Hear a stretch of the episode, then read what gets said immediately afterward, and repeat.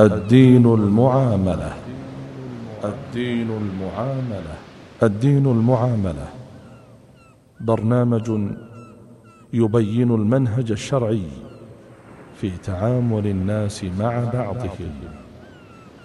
البرنامج من إعداد وتقديم فضيلة الشيخ الدكتور عبد العزيز بن فوزان الفوزان. البرنامج من تنفيذ عبد المحسن العنزي. بسم الله الرحمن الرحيم. الحمد لله الذي شرع لنا سنن الهدى وفضلنا بهذا الدين على سائر الورى وحقق لنا به مصالح الآخرة والأولى. وأشهد أن لا إله إلا الله وحده لا شريك له له ما في السماوات وما في الأرض. ليجزي الذين أساءوا بما عملوا ويجزي الذين أحسنوا بالحسنى. وأشهد أن محمدا عبده ورسوله نبي الرحمة والهدى والرسول المجتبى والقدوة المثلى. أكمل الناس خلقا وخلقا وأتقاهم لربه سرا وجهرا وأرعاهم لحقوق العباد ظاهرا وباطنا. صلى الله وسلم عليه وعلى آله وأصحابه منارات الهدى ومصابيح الدجى ومن سار على نهجهم واقتفى. مستمعي الكرام سلام الله عليكم ورحمته وبركاته. وحياكم الله مع هذا البرنامج الجديد برنامج الدين حسن المعاملة أيها الأحبة إن حديثي حول هذا الموضوع الذي اعتبره من أهم الموضوعات وهو أيضا عبادة من أجل العبادات ومصلحة تبلغ الحاجة إليها مبلغ الضرورات وبالقيام بها وممارستها تصلح أحوال الأفراد والمجتمعات. وقد جعلت عنوان هذا البرنامج كما قد سمعتم الدين المعاملة أو الدين حسن المعاملة. وقد اشتهر على ألسنة الناس عبارة الدين المعاملة ويظنه كثير منهم حديثا عن رسول الله صلى الله عليه وسلم وليس هو بحديث فهو لم يروى عن النبي صلى الله عليه وسلم في حديث صحيح ولا ضعيف ولا موضوع. والعباره الصحيحة أن نقول الدين حسن المعاملة وإن قلنا الدين المعاملة فإن هذا معنى صحيح نقصد به مضافا محذوفا وهو الدين حسن المعاملة وهذا الذي يريده الناس. ولا يمكن أن يرد في ذهن أحد منهم حينما يسمع هذه العبارة الدين المعاملة أن الدين هو المعاملة ايا كانت حسنة أو سيئة مشروعة أو ممنوعة.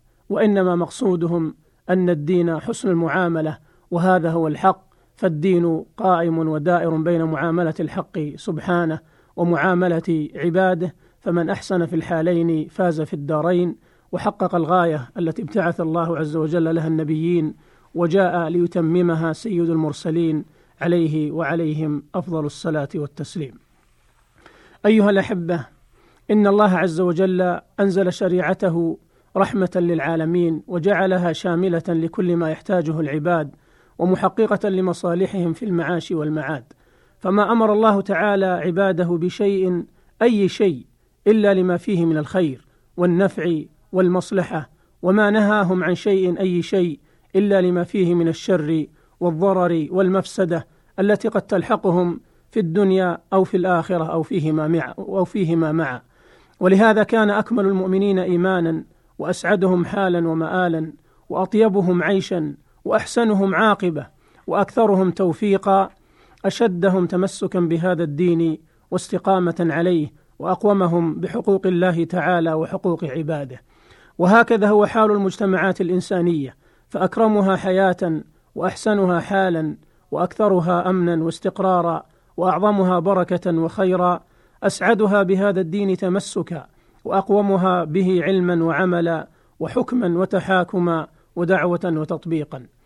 والمتأمل في أحوال كثير من المسلمين اليوم يجد مع الأسف الشديد تناقضا ظاهرا بين ما أوصاهم به ربهم عز وجل من رعاية حقوقه وحقوق عباده وبين ما هم عليه من تفريط في جنب الله وعدم رعاية لحقوق عباد الله. بل كثير من الناس يظنون أن التقوى هي القيام بحقوق الله تعالى دون حقوق عباده وأن الدين قاصر على معاملة الخالق دون المخلوق فتجدهم يهملون حقوق العباد بالكلية أو يقصرون فيها ويستهينون بظلم الناس وبخسهم أشياءهم والتقصير في حقوقهم. وإنك لتعجب من أناس يحرصون على أداء الشعائر التعبدية ويلتزمون بالمظاهر الشرعية ويجتهدون في نوافل العبادات من صلاة وصيام وتلاوة وذكر وغيرها وهم موفقون محسنون في هذا ولكنهم لا يولون جانب المعاملة للخلق اهتماما يذكر ولا يرون لحسن الخلق مكانة تعتبر فتجد عند بعضهم وأؤكد على هذه عند بعضهم تجد عنده من الحقد والحسد والعجب والكبر والظلم والبخس والبغضاء والشحناء والتهاجر والتدابر والكذب والتدليس والغش والمخادعة وإخلاف الوعود ونقض العهود والقطيعة والعقوق ومطل الحقوق وأكل أموال الناس بالباطل وخيانة الأمانة والولوغ في أعراض الناس والسعي بالنميمة والإفساد وتتبع العورات والتدخل فيما لا يعني ما يتنافى وكمال الإيمان. ويتناقض مع ما هم عليه من مظاهر الصلاح والديانة وكأن معاملة الخلق ليست من الدين أو أن صاحب الخلق الحسن ليس بمأجور ولا مشكور وصاحب الخلق السيء ليس بمذموم ولا مأزور. أو كأن ظلم الناس لا حرج فيه ولا بأس مع أن ظلمهم أشد من ظلم العبد لنفسه فيما بينه وبين ربه لأن حقوق العباد مبنية على المشاحة والمقاصة وحقوق الله تعالى مبنية على المسامحة والمساهلة. ومن فرط في جنب الله عز وجل كان بإمكانه أن يستعتب ربه ويسترضيه ويتوب إليه متى شاء. والله تعالى غفور رحيم يقبل التوبة عن عباده ويفرح بتوبة التائبين.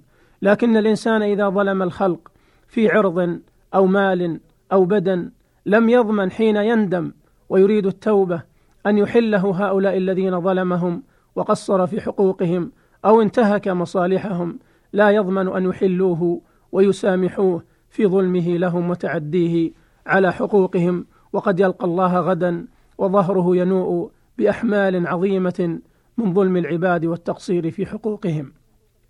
ثم إن حقوق العباد يجتمع فيها حق الخالق وحق المخلوق فالله تعالى لا يرضى لعباده الظلم وأحب الناس إليه أنفعهم لعباده. وأرعاهم لحقوقهم وأقومهم بمصالحهم. والحقيقة أن مثل هؤلاء يهدمون ما يبنون ويفسدون ما يعملون ويبددون ما يجمعون ويحبطون حسناتهم من حيث يشعرون أو لا يشعرون. فهم يجتهدون في أداء الفرائض والنوافل نهارهم وليلهم وقد يصبح الواحد منهم وليس له حسنة واحدة. ويجمعون حسنات كأمثال الجبال من صلاة وصيام وذكر وغيرها ثم يذهبونها بأنواع من الكبائر المتعلقة بظلم الخلق وسوء معاملتهم وربما عند المعادلة لا تقوم أجور صلواتهم وطاعاتهم باثم بإثم ظلمهم للعباد ومطلهم حقوقهم. وهذه والله هي النكسة المردية والخسارة الفادحة والغبن الفاحش والإفلاس الذي ليس بعده إفلاس. ومن تأمل النصوص الواردة في الحث على حسن الخلق والإحسان إلى الخلق فإنه لا ينقضي عجبه من عظم شأنه وعلو مكانته بل ويدهش لكثرة ما رتب عليه من الأجر والثواب وما لصاحبه من المدح والثناء ورفعة المنزلة وحسن العاقبة في الدنيا والآخرة كما أنه يعجب من غفلة كثير من الناس عن هذا الخير وتفريطهم فيه وحرمانهم إياه مع أنه لا يكلفهم شيئا يذكر وبه يحصلون خيري الدنيا والآخرة.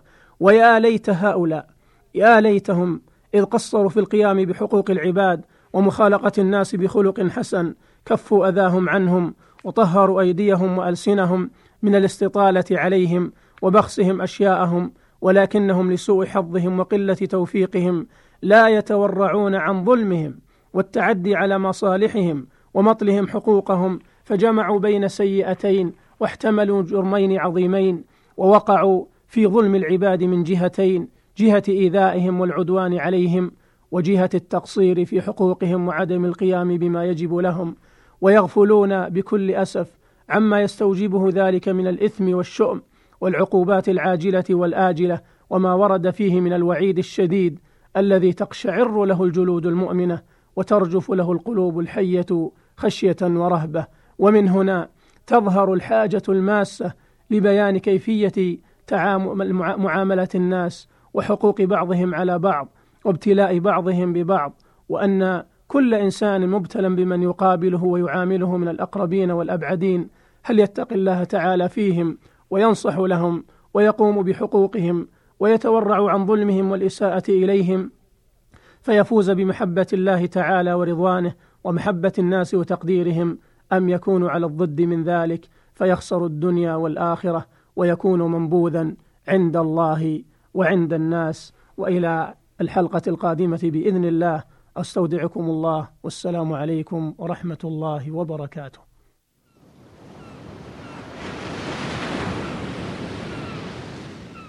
الدين المعاملة. الدين المعاملة. الدين المعاملة.